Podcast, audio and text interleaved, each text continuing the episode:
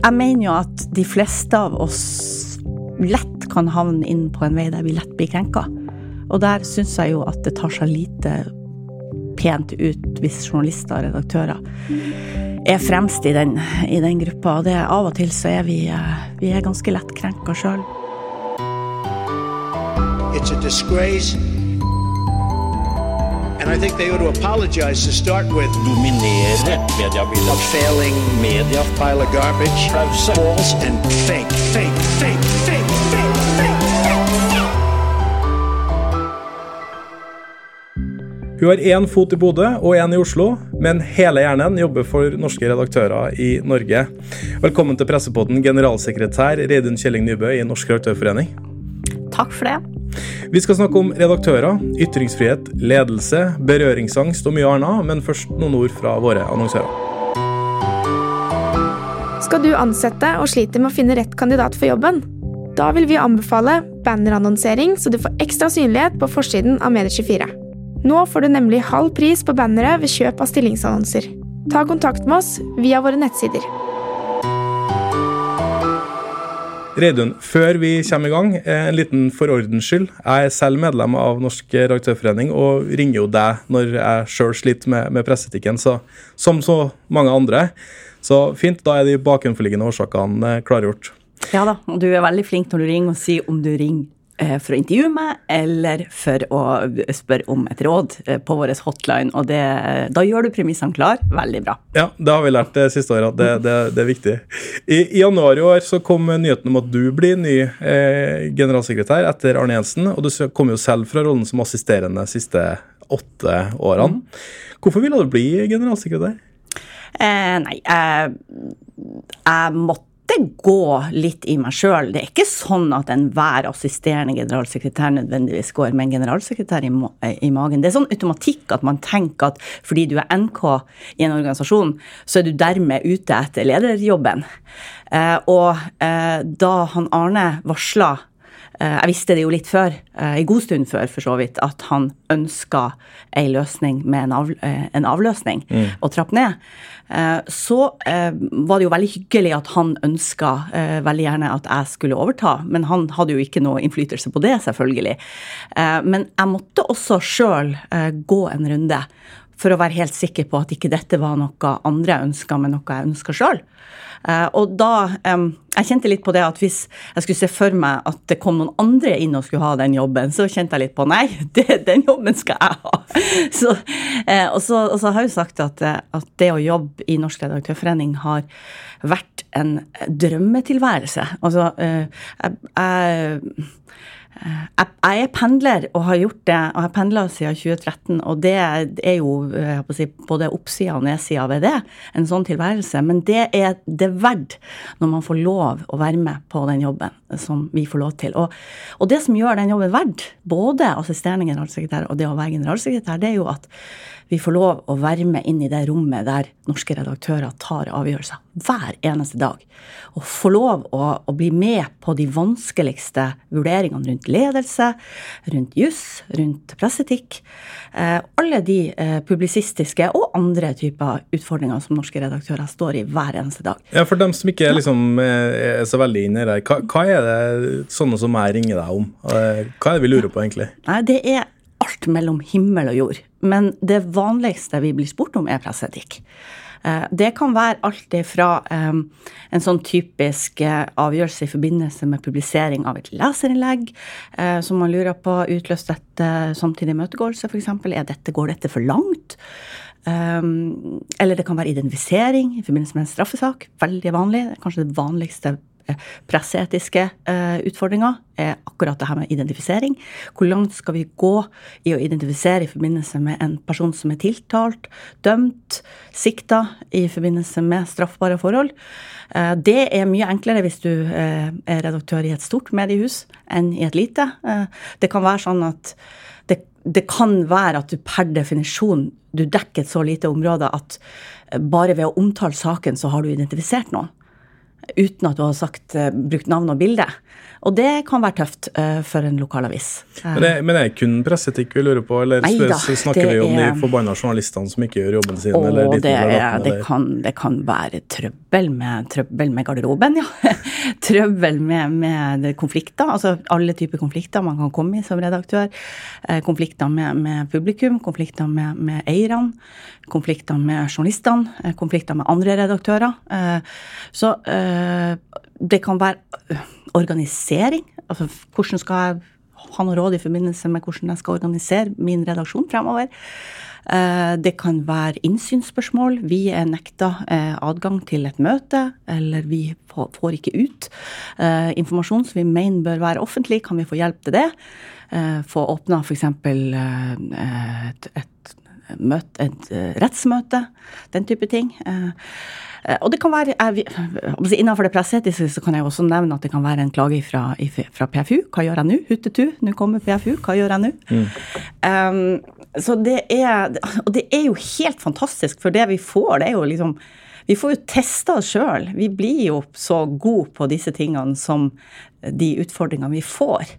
Eh, og det å, å få den type ting hver eneste dag, og få, og få eh, diskutert alle disse eh, spørsmålene, det gjør jo at vi får en god følelse med hva som foregår ute i redaksjonene, og Ja, får for, får god det, er jo, kontakt. det er jo det store Ja. spørsmålet her. Altså, du, du, du, så hvis jeg skal være litt sånn djevelens advokat, da, altså, du, du er jo bare på utsida av alle prosesser og mener noe om det. Savner du liksom det å være redaktør og kjenne det på pulsen og alle de tingene der, da?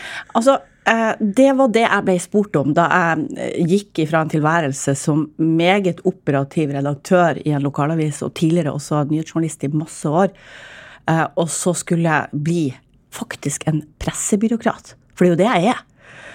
Og det, jeg måtte jo gå noen runder med meg sjøl omkring det, for jeg har jo alltid i, i alle jobbene jeg hadde fra jeg, var, fra jeg ble journalist, eh, ganske ung, så, så, så er det jo at jeg har, jeg har vært veldig operativ. Jeg, har, jeg nekta jo f.eks. å bli vaktsjef.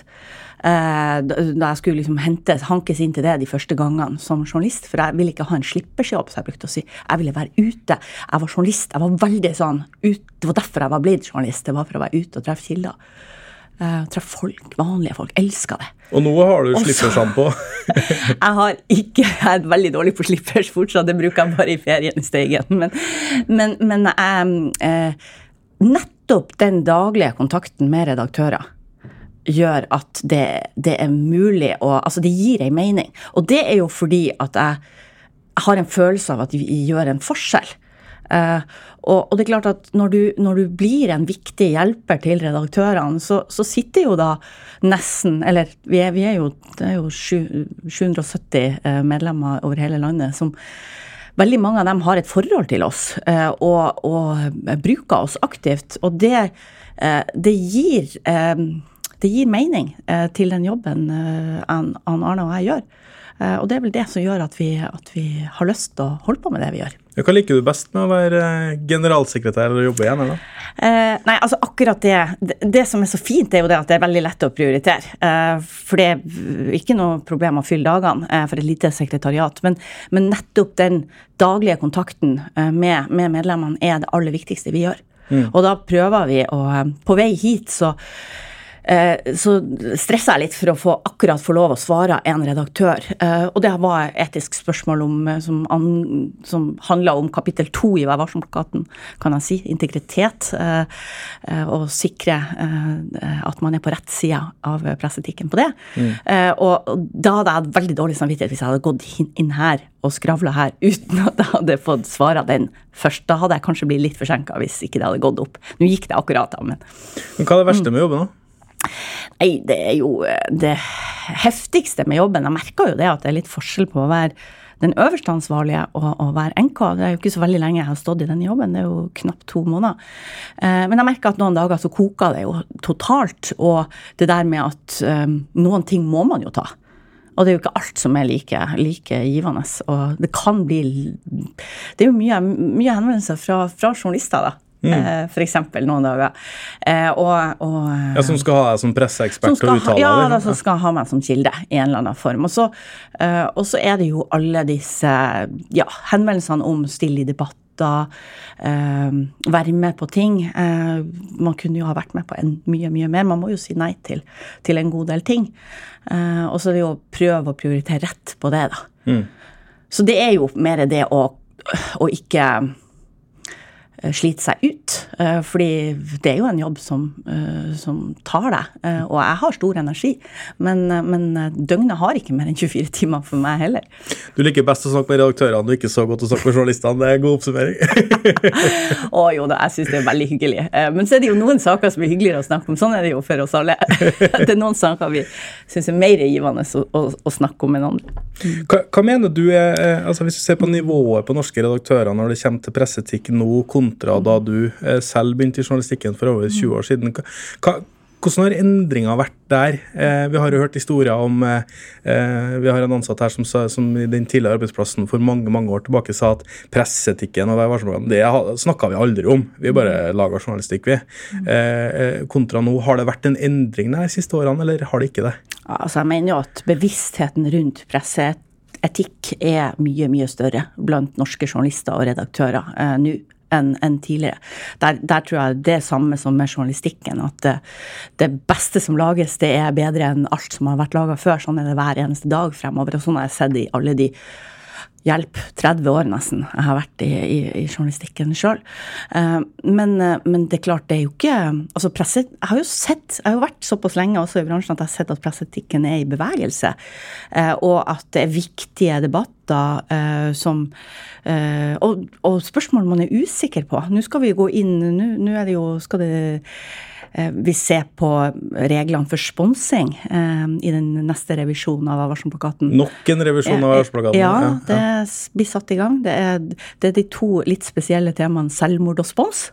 Eh, litt sånn tabloid. Eh, så det blir vel to eh, komiteer er bestemt. Jeg akkurat spilla inn en del navn eh, til Elin Fondberghagen eh, på, eh, på kandidater der.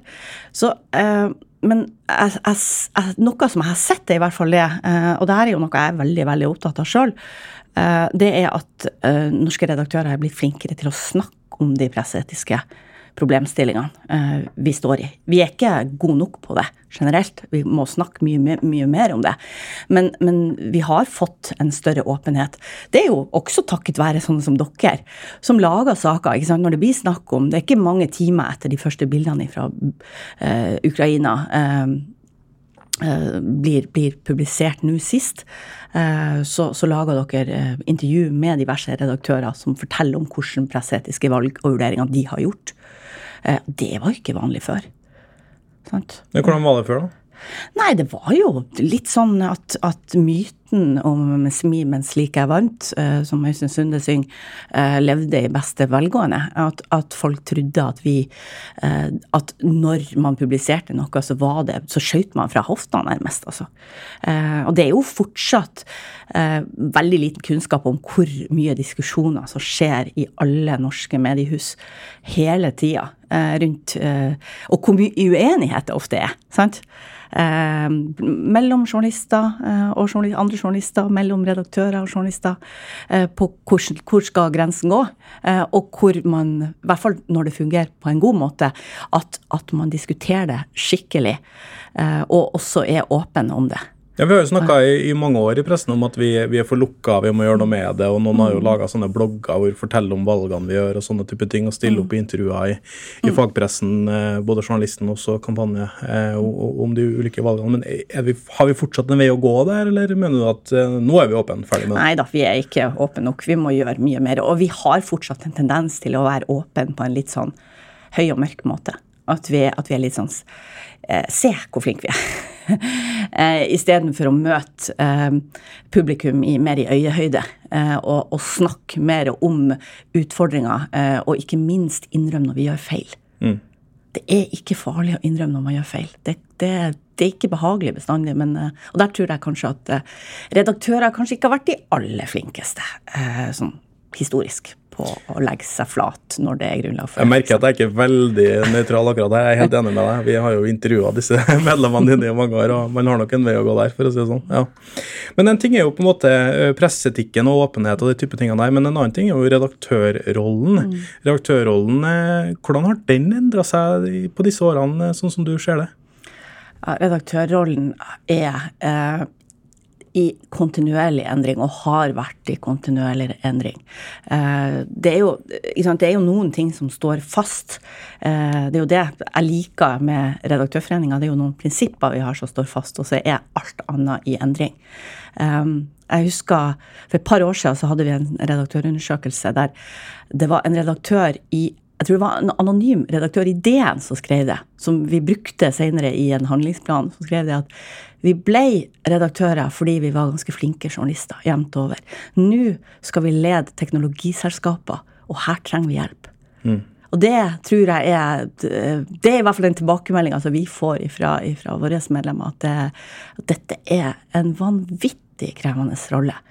Du skal, eh, du skal lede. Du, du, skal være leder. Bare det å være leder for journalister som er skrudd sånn sammen at de ikke er noe spesielt glad for i de, i de som sitter med makt i samfunnet, og det er jo vi veldig glad for. Vi skal jo ha journalister som er kritiske. Men alle som har vært personalleder for journalister og fått sånn her medarbeidertilfredshetsundersøkelse og sittet ved siden av eh, eh selg, si, salgssjefen som har fått den samme, vet hvordan det er. At det er vanskelig å lede journalister. Eh, og så i tillegg så skal du du skal drive utvikling. For veldig mange så har jo det vært i mange år nå, så var det jo snakk om nedbemanning. Eh, du skal, du skal finne eh, inntektsmodeller. Du skal være eh, fremme i, i skoene på det. Du skal uh, sørge for å gi publikum uh, det de ønsker, og det de ikke visste at de ønska. Uh, du skal ja, du, du skal på en måte ha et liv. Uh, Utafor helst. Uh, jobben òg. Virkelig. ja. ja, altså det, det, er det er heldigvis ikke alle uh, våre medlemmer som sover med tipstelefon under uh, hodeputa lenger, men, men, det er noen fortsatt, det òg. Mm. Sammen med, med for uh, Nei, Landslaget for lokalaviser, så skal vi ha en sånn fagdag for lokalavisjournalister nå i begynnelsen av juni. Og da skal det handle om hvordan man skal være klare å være lykkelig som lokalavisredaktør, og hvordan man skal overleve i den uh, jobben. Og det er jo de som har de minste redaksjonene. De, også de i fagpressen, er jo de som ofte leder uh, de minste redaksjonene. Og der det virkelig er veldig kort vei uh, fra alt det operative. Der, der, du som redaktør gjør alt i en redaksjon. Og det, det, er, det er klart det er utrolig krevende. Og så er det ufattelig morsomt. Mm. Og det er jo det som er den kombinasjonen som gjør at det er Eller det siste som gjør at det er, at det er mulig å, å, å, overleve i den eh, type jobb. Og det skal det jo være òg. Skal du ansette og sliter med å finne rett kandidat for jobben? Da vil vi anbefale bannerannonsering, så du får ekstra synlighet på forsiden av Medie24. Nå får du nemlig halv pris på bannere ved kjøp av stillingsannonser. Ta kontakt med oss via våre nettsider. Og så er Det sånn at det er jo noen redaktører som også er daglig ledere, eller har den mm. publisher-rollen som, som, vi snakker om. Um, hvor, hvor, utfordrende blir det i årene framover, når du både skal liksom mm. eh, La oss ta utgangspunkt i en lokalavis. da, Du skal både sørge for inntekten, men du skal også være den mm. kritiske parten, på en måte. Jeg, jeg regner med at du får noen spørsmål av det og medlemmene dine gjennom året? Ja, eh, det er krevende. Og det er Jeg vet jo det er mange redaktører som ikke ønsker den rollen. Det, jeg tror det som er bra, er jo det at det er, at det er mulig å velge forskjellige modeller. Eh, for det er ikke én modell som passer for alle. Eh, det må, nesten, eh, det må nesten være opp til eiere i samarbeid med den enkelte redaktør. Noen vil si at eh, ja, men jeg er nødt som redaktør i 2022 å være såpass kommersielt orientert at det er bra at jeg også har på meg direktørhatten. Da vet jeg på en måte hvor direktøren også er. står i disse, at, at, Det er nesten sånn at da vet de at de vinner de diskusjonene. Andre har det helt utmerket i en rolle med et tohoda troll. Det er, altså, som, det er noe som er kritisk til liksom, kommersialisering av journalistikken, og at vi, vi, tar en del hensyn. og sånn. Gjør vi det, eller gjør vi ikke det? Men altså, Det er jo tross alt sånn at de aller fleste mediehus i Norge må jo Man kan jo si at, man, at, man, at det gir en fryktelig stor mening å, å, drive på med det vi holder på med, og, og, og, og snakke om samfunnsoppdraget. Det kan vi jo selvfølgelig gjøre, men, men man skal jo også i hvert fall gå i null, om ikke, og helst tjene penger. Og, så, og, da, og, og, det er jo også noe med å kunne finansiere denne fantastiske journalistikken som, som vi skal lage, og som eh, publikum eh, trenger. Eh, og da må man jo også tenke, tenke på hva som er kommersielt mulig å gjennomføre. Og jeg, jeg tror at Altså, jeg, jeg er i hvert fall ikke sånn jeg, jeg, det, Vi kunne aldri ha sett for oss en sånn løsning. Jeg tror det var Trond Giske som foreslo at man skulle, se, at man skulle forby eh, publisherrollen. Eh, for det første så ligger det jo i det at eh, hallo, vi skal ha redaksjonell frihet. Det er ingen som kan komme og si at sånn og sånn kan dere ikke organisere det, så lenge dere forholder dere til de eh, presseetiske eh, reglene og redaktørplakaten og de, de rammene som vi har. Men, men i tillegg så eh, altså, Jeg har jo sett utmerkede eksempler på at det, at det fungerer. Eh, og så er det klart at vi, altså, vi, vi må ha en levende debatt om Pusher vi grensa for mye? Eh, hva har vi gjort med Nå har vi jo hatt innholdsmarkedsføring i, i noen år. Hva gjør, hva gjør, det med journalistikken? Hva gjør produktplassering med journalistikken? Hva, eh, når vi snakker om eh, fonter og størrelse på, på, fonter og farger og sånn, er, eh, skjønner vi det, eller, eh, og skjønner publikum det? Altså, alt dette her, det Mm. Det er viktig å, å, diskutere, og det er viktig å ha evnen til å prøve i hvert fall å se seg sjøl utenfra. Og, og, være åpen for at ikke alt det man sjøl tenker, er, er fasit. Alt det der er vi jo som kjent veldig gode til. Vi Også, og, og en ting er jo på en måte eh, kommersielt press. Det, det, er jo en ting Vi har snakka om presseetikk og osv. osv. Men Eh, I, I redaktørrollen så er man jo også ansvarlig for alt man publiserer, eh, og, og, må sikkert både krangle og, og, få noen ganger hyllest også for det man har gjort. Har vi sterke redaktører i Norge i dag?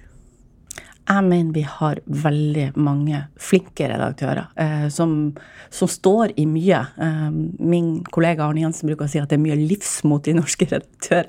Jeg, jeg er enig med han i det. Eh, eh og så er det jo viktig at vi gjør redaktørene i stand eh, til å stå imot press.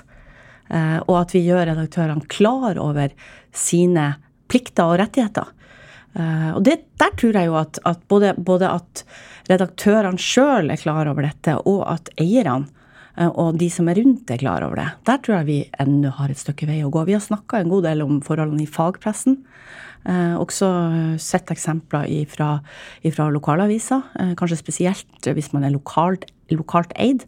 Og, og, men vi har jo også hatt eksempler fra Amedia et års, eh, knapt år siden. Eh, vi gjorde en undersøkelse i forkant av høstmøtet vårt i fjor. Eh, og Der svarte jo faktisk 15% av våre medlemmer at de hadde på et eller annet tidspunkt opplevd at noen av eierne hadde forsøkt eh, seg på å blande seg inn og det var jo et, eh, det var et såpass høyt tall at f.eks. i Polaris eh, så tok man og gjorde en egen runde eh, på, på en egen undersøkelse på liksom, Har gravd mer i det etterpå, vet jeg. Og i Amedia hadde de jo en, en stor runde i kjølvannet av Nidaros-diskusjonen som vi hadde i juni i fjor, fra juni i fjor.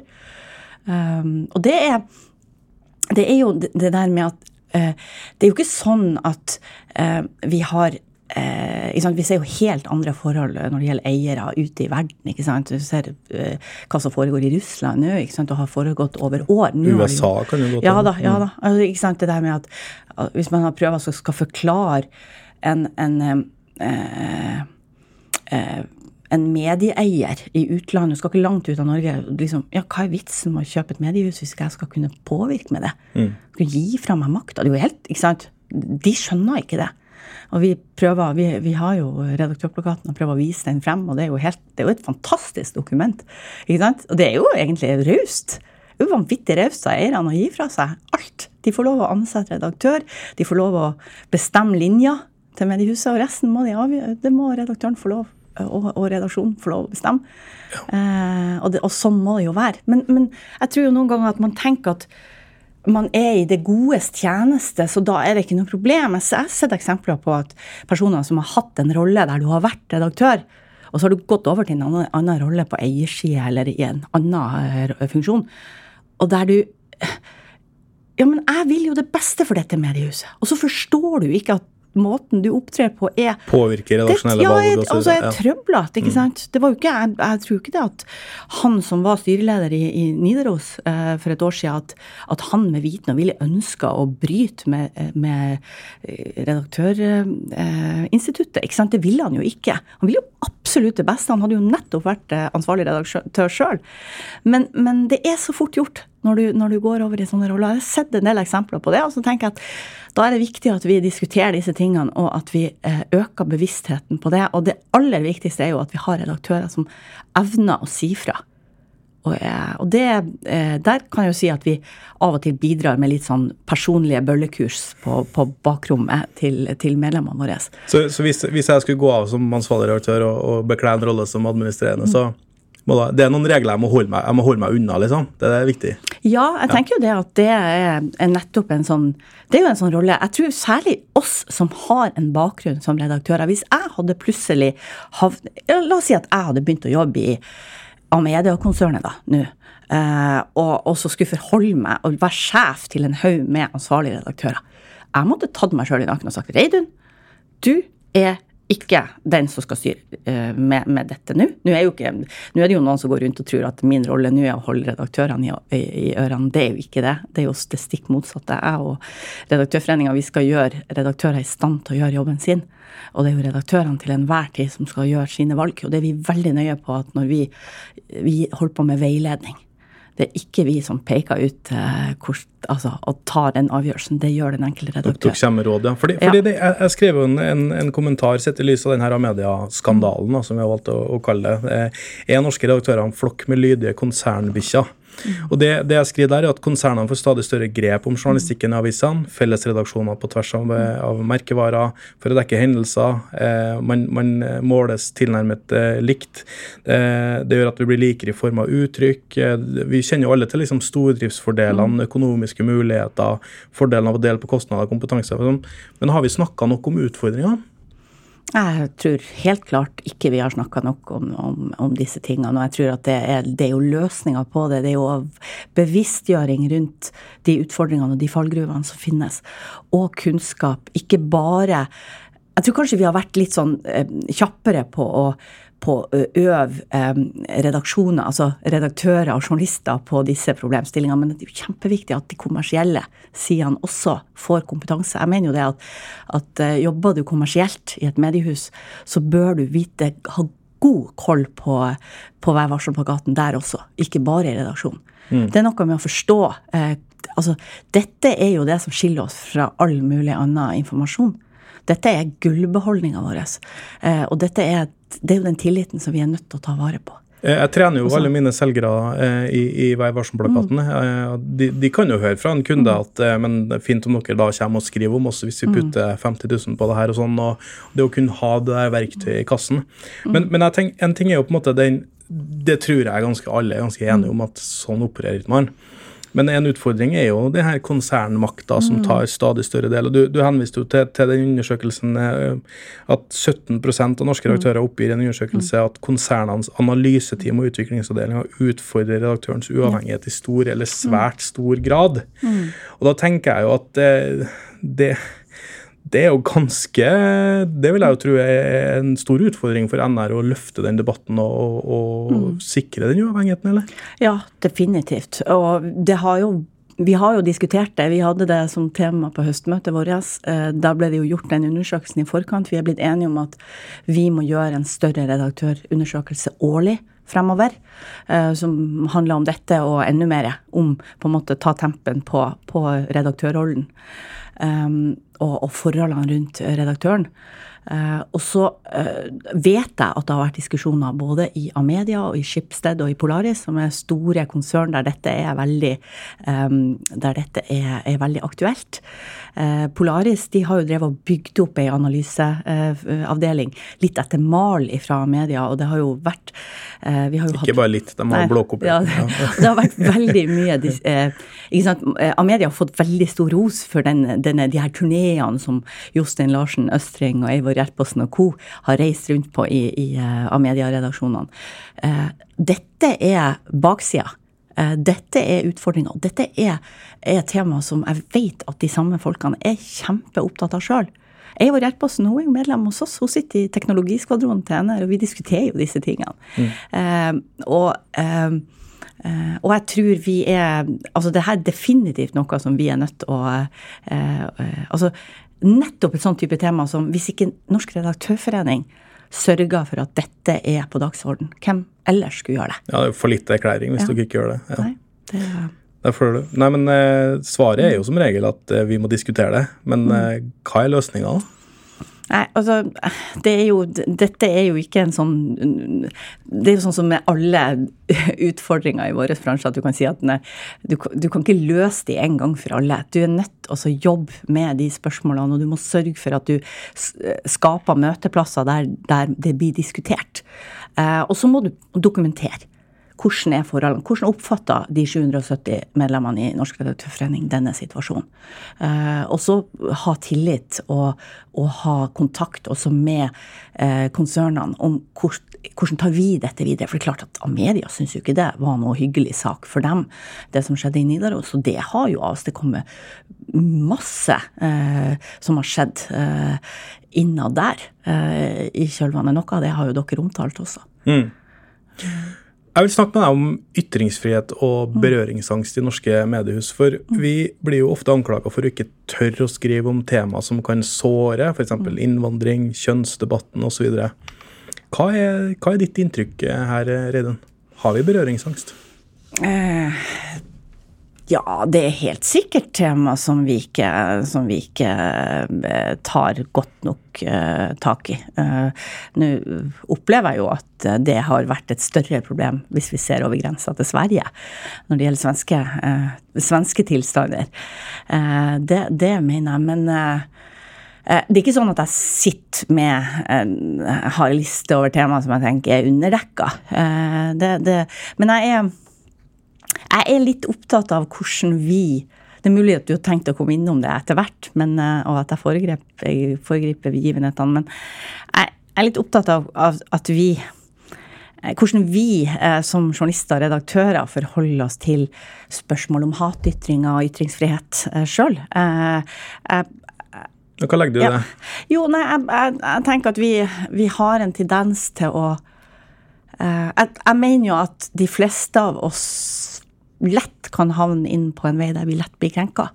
Og der syns jeg jo at det tar seg lite pent ut hvis journalister og redaktører er fremst i den, i den gruppa. Og det, av og til så er vi, eh, vi er ganske lett krenka sjøl. Vi er um, Som journaliststand, liksom? ja, vi Altså at vi At eh, eh, det, når vi snakker om de, alle diskusjoner om hatytringer, som jeg har vært med på i, i alle disse årene, eh, der har man eh, gjort den feilen at man putter alt i en sekk. Man tar alt ifra eh, åp, altså fra trusler og, og, og ytringer som sannsynligvis er i strid eh, med, med straffeloven, til eh, noe som er kanskje jeg ville sagt saklig uenighet, men jeg er nordlending og har ganske, det ganske høy tålegrense for det, hva som er saklig og usaklig. Uh, og så putter man alt i en sekk, og så kaller man det hatytringer, og kaller det hatprat, og man begynner å snakke om trygge ytringsrom. og hva mener du om det? Nei, jeg, jeg mener ikke veldig Altså, jeg, jeg er ikke glad i den Altså, med en gang vi beveger oss inn i områder der vi snakker om trygge ytringsrom, så er vi jo så, så har det en tendens til å gå- gå på bekostning av ytringsfriheten. Eh, og Er det et problem i dag? Eh, Ja, det er et problem. Um, og det er, det Vi ser jo det nå i forbindelse med, med Uh, all desinformasjon som florerer i forbindelse med, med krigen i, i Ukraina. At, at det har en tendens til at vi vil, vi vil regulere. At det, sånn, at det kan være fristende å regulere og tenke at det, det skal vi eh, Ja. eh, at vi skal på en måte styre eh, eh, At alle eh, Nå kom jeg litt ut Ja, for det, for det, har, vært, det, har vært en diskusjon om hvorvidt man skal sensurere Russia Today, som er en statseid eh, kanal, og som er dokumentert, har drevet med både fordreining og falske nyheter, men også noe eller riktig, på en måte. Eh, og, og der er jo noen som har tatt til orde for at ja, det skal vi fjerne og få dem bort, mens andre mener at det er faktisk ikke opp til myndighetene å bestemme hva vi skal ha på norsk TV. Er det, er det den du tenker på da? Ja da, blant annet. Eh, Det, det er klart, jeg, vel, jeg setter veldig stor pris på at norske myndigheter ikke har fulgt EU på det området så langt. Vi fikk jo noen signaler i starten om at det, at det lå an til at eh, man kunne komme til å eh, følge EU på det feltet, men det har, har de så langt ikke gjort. Og har vel fått signaler om at de sannsynligvis ikke kommer til å gjøre det med det første heller. Det er, eh, men det er jo en tendens til at du ønsker å fjerne eh, Fjern stemmer og ytringer som du ikke syns noe om. Eh, og at, skal, at, du, at ytringsfrihet skal være noe som skal diskuteres på en måte av, med, av de rette stemmene i, i, i de trygge rommene. Og, og jeg er så spent på, jeg håper jo at dette blir godt adressert fra Ytringsfrihetskommisjonen som kommer i rapporten, eller NOU-en som kommer i, i august. Eh, Det er jo litt ironisk at den her ytringsfrihetskommisjonen som skal snakke om ytringsfrihet, har vært så mye storm om at de har sluppet til enkelte kontroversielle stemmer, ikke det? Jo, jo, jo. Definitivt. Vanvittig hvitt mandat. Veldig problematisk. Og, og trøblete når du setter sammen så utrolig mye. Veldig mye flinke folk, veldig mye sterke personligheter veldig mye sterke stemmer. Så det er jo litt av en jobb Kjersti Løkken Stavrum har på, på å samle dette og, og styre dette. Men, men jeg, jeg tenker at vi alle sammen bør gå i oss sjøl og tenke sånn eh, at vi har et ansvar i, i, for å delta i, i debatten og ikke skygge banen. Og, å forstå at altså, et demokrati er bygga på at man skal slippe til også de ufyselige meningene. Eh, og eh, min kollega Arne Jensen og Anine Kierulf og Jon Wessel Aas, Vidar Strømme blant annet, de skrev en kronikk om dette i, i, i fjor høst, der de snakka om eh, eh, demokratisk latskap. Altså at du, at du kan at du, eh, at du kan bli eh, lat, eh, eh, for du orker ikke, og alle, vi, alle kjenner jo til du har, du har tenkt at ok, skal, dette, denne, dette kommentarfeltet kunne jeg gått inn i og diskutert. Eh, kanskje forsvart noen, men da vet jeg at da går den kvelden, og da går den helga, og så orker du ikke. Eh, jeg skal prøve å engasjere meg i, i en del sånne sammenhenger. Og så vet jeg jo, eh, jeg har jo også mye annet jeg skal bruke tida på, men, men jeg kjenner jo på det at, at det er viktig at vi, at vi Det har vi i handlingsplanen vår i, Redaktørforeninga, at vi skal forebygge krenkelseskultur. Og legge til rette for at flest mulig eh, stemmer kommer til uttrykk. Det har vi faktisk et presseetisk ansvar for. At vi, eh, og det handler jo om det handler om mangfold i videste forstand. Det handler ikke bare om sånn, hvem er det som blir journalister, redaktører, men også sånn, hvilke stemmer er det som slipper til i samfunnsdebatten? Hvilke stemmer, hvordan ståsted har vi i journalistikken? Men det er en ting jeg stussa litt over, eh, og det er jo redaktører som bruker mye tid på å argumentere mot at enkelte skal få komme til orde. F.eks. Steve Bannon var jo et veldig tydelig eksempel på det i Bergen på Nordiske Mediedager for en del år tilbake. Noen har jo nevnt Trond Giske kan ikke få komme på scenen og, og en del sånne type ting. Er det en redaktørsrolle, tenker du? Altså, jeg skal i hvert fall ikke legge meg opp i hva, hva er norske redaktører mener. Eh, Det skal de få lov å, å gjøre, og det er jo et vanvittig bredt spekter av meninger. Men det er klart at man kan jo ha eh, i bakhodet i hvert fall at vi eh, Eh, og da må jeg jo snakke på vegne av den foreninga som, som eh, de er medlemmer av, i hvert fall. Vi, vi eh, kjemper for ytringsfrihet eh, og pressefrihet eh, og, og gode rammer for, for redaktørstyrte medier. Og, og eh, Ja, for Hvis ikke dere står på barrikadene, hvem gjør det da? Ja, nei, vi, vi må eh, vi, pleier, Jeg pleier å si at vi er de siste som står på scenen i de her eh, ytringsfrihetsdebattene når, når eh, alle de andre har eh, gått ned. og det er klart at det er, jo, det er jo krevende, for det er jo ikke særlig sjarmerende nødvendigvis de du står og, og kjemper for, men sånn må det jo være. Eh, og eh, det er eh, Altså, jeg er så lei ut av at ytringsfrihetsdebatter blir sånn festtale alle er jo for åpenhet også. Alle er for åpenhet inntil det gjelder dem sjøl. Sånn er det. Eh, og, og, eh, og, det å være i stand til å, eh, å tåle kritikk mot deg sjøl. Jeg, jeg syns kanskje det er litt ofte at jeg hører om at redaksjoner syns det er ubehagelig f.eks. å publisere kritikk av seg sjøl. på, på, på sånn leserinnlegg med kritikk av seg sjøl. Er vi hårsår? Vi, vi, eh, vi kler i hvert fall ikke eh, den rollen, og det er i hvert fall ikke rett vei å gå eh, hvis vi skal ta vare på den tilliten som vi er helt avhengig av.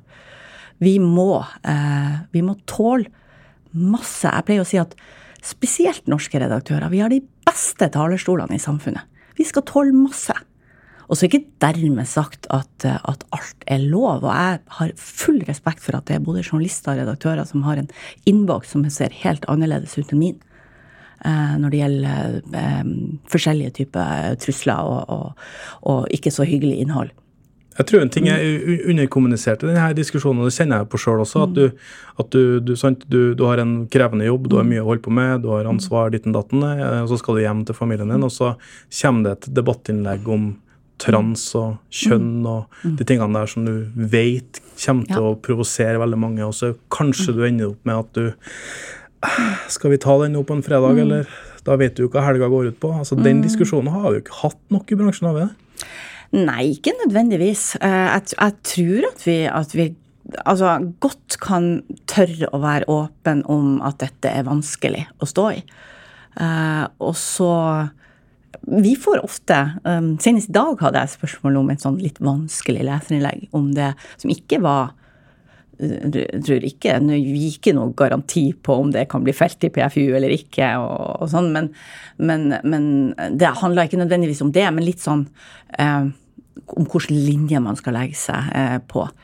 Eh, og det og Eh, og det vil jo være opp til den enkelte. altså det, det, det, er jo veldig stor forskjell på ulike mediehus, også hvilken tone man og hvilken linje man ligger på. Eh, det som, det som vil bli publisert helt naturlig en plass, vil ikke nødvendigvis bli det en annen plass. og det er jo, Sånn skal det jo være. Det skal jo, hvis ikke så hadde vi jo ikke hatt redaksjonell eh, frihet. Men, men det å tenke at i hvert fall når det handler om jeg syns det skal fryktelig mye til før et mediehus ikke skal publisere kritikk av seg sjøl. Eh, da, da, skal du ha veldig, veldig gode grunner for det. Og da kan du f.eks. ta det jeg og Arne bruker å kalle for speiltesten. At du stiller deg opp for et speil, og så tenker du at du skal argumentere som om du var i Dagsnytt 18 eller i et intervju med Medie24 og skulle forklare hvorfor du har valgt sånn som du har valgt. Mm. Hvis du da sliter med argumentasjonen til ditt eget speilbilde, så er jeg ganske sikker på at du gjør det også i, i andre settinger. Ja, Vi syns jo det er ofte rart hvor tilgjengelige redaktører er når det er en hyllestsak, men med en gang det er kritisk, så er det jeg sitter i møte og svarer på e-post. Ja, men, men, ikke sant, ja, men vi må jo innse Altså, ingen syns jo det er festlig med, med Altså, mennesket i seg sjøl er konfliktsky.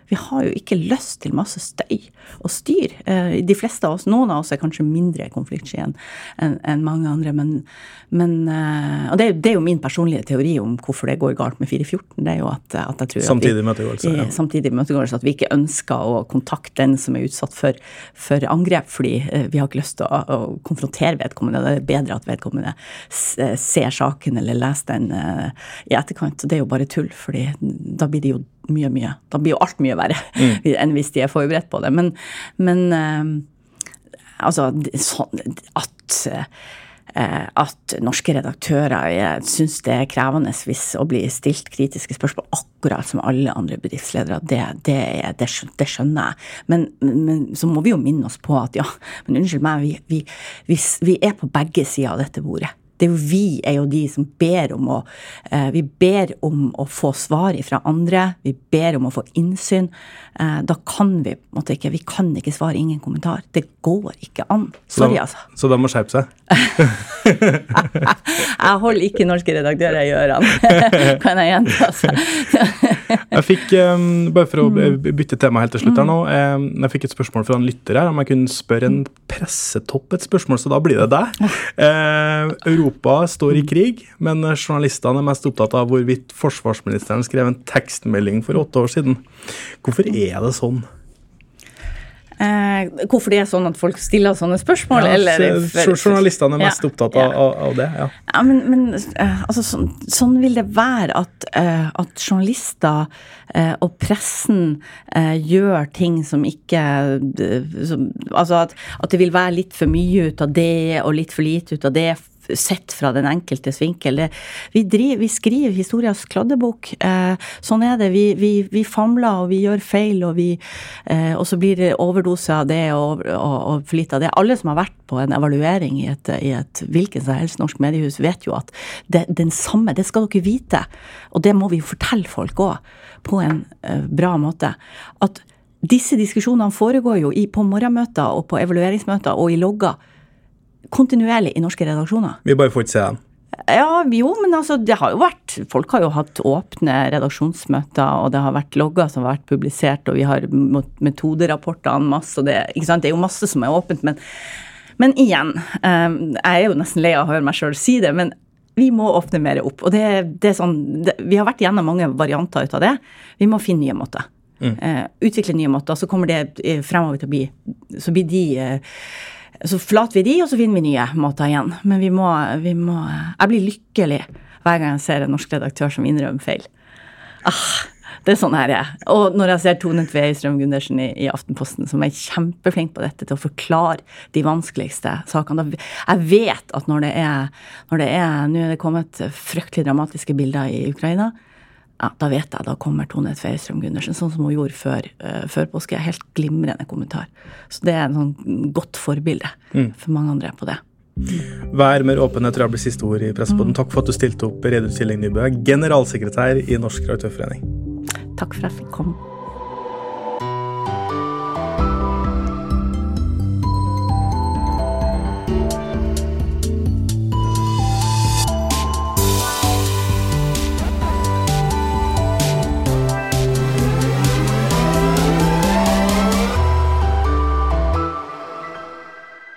Skal du ansette og sliter med å finne rett kandidat for jobben?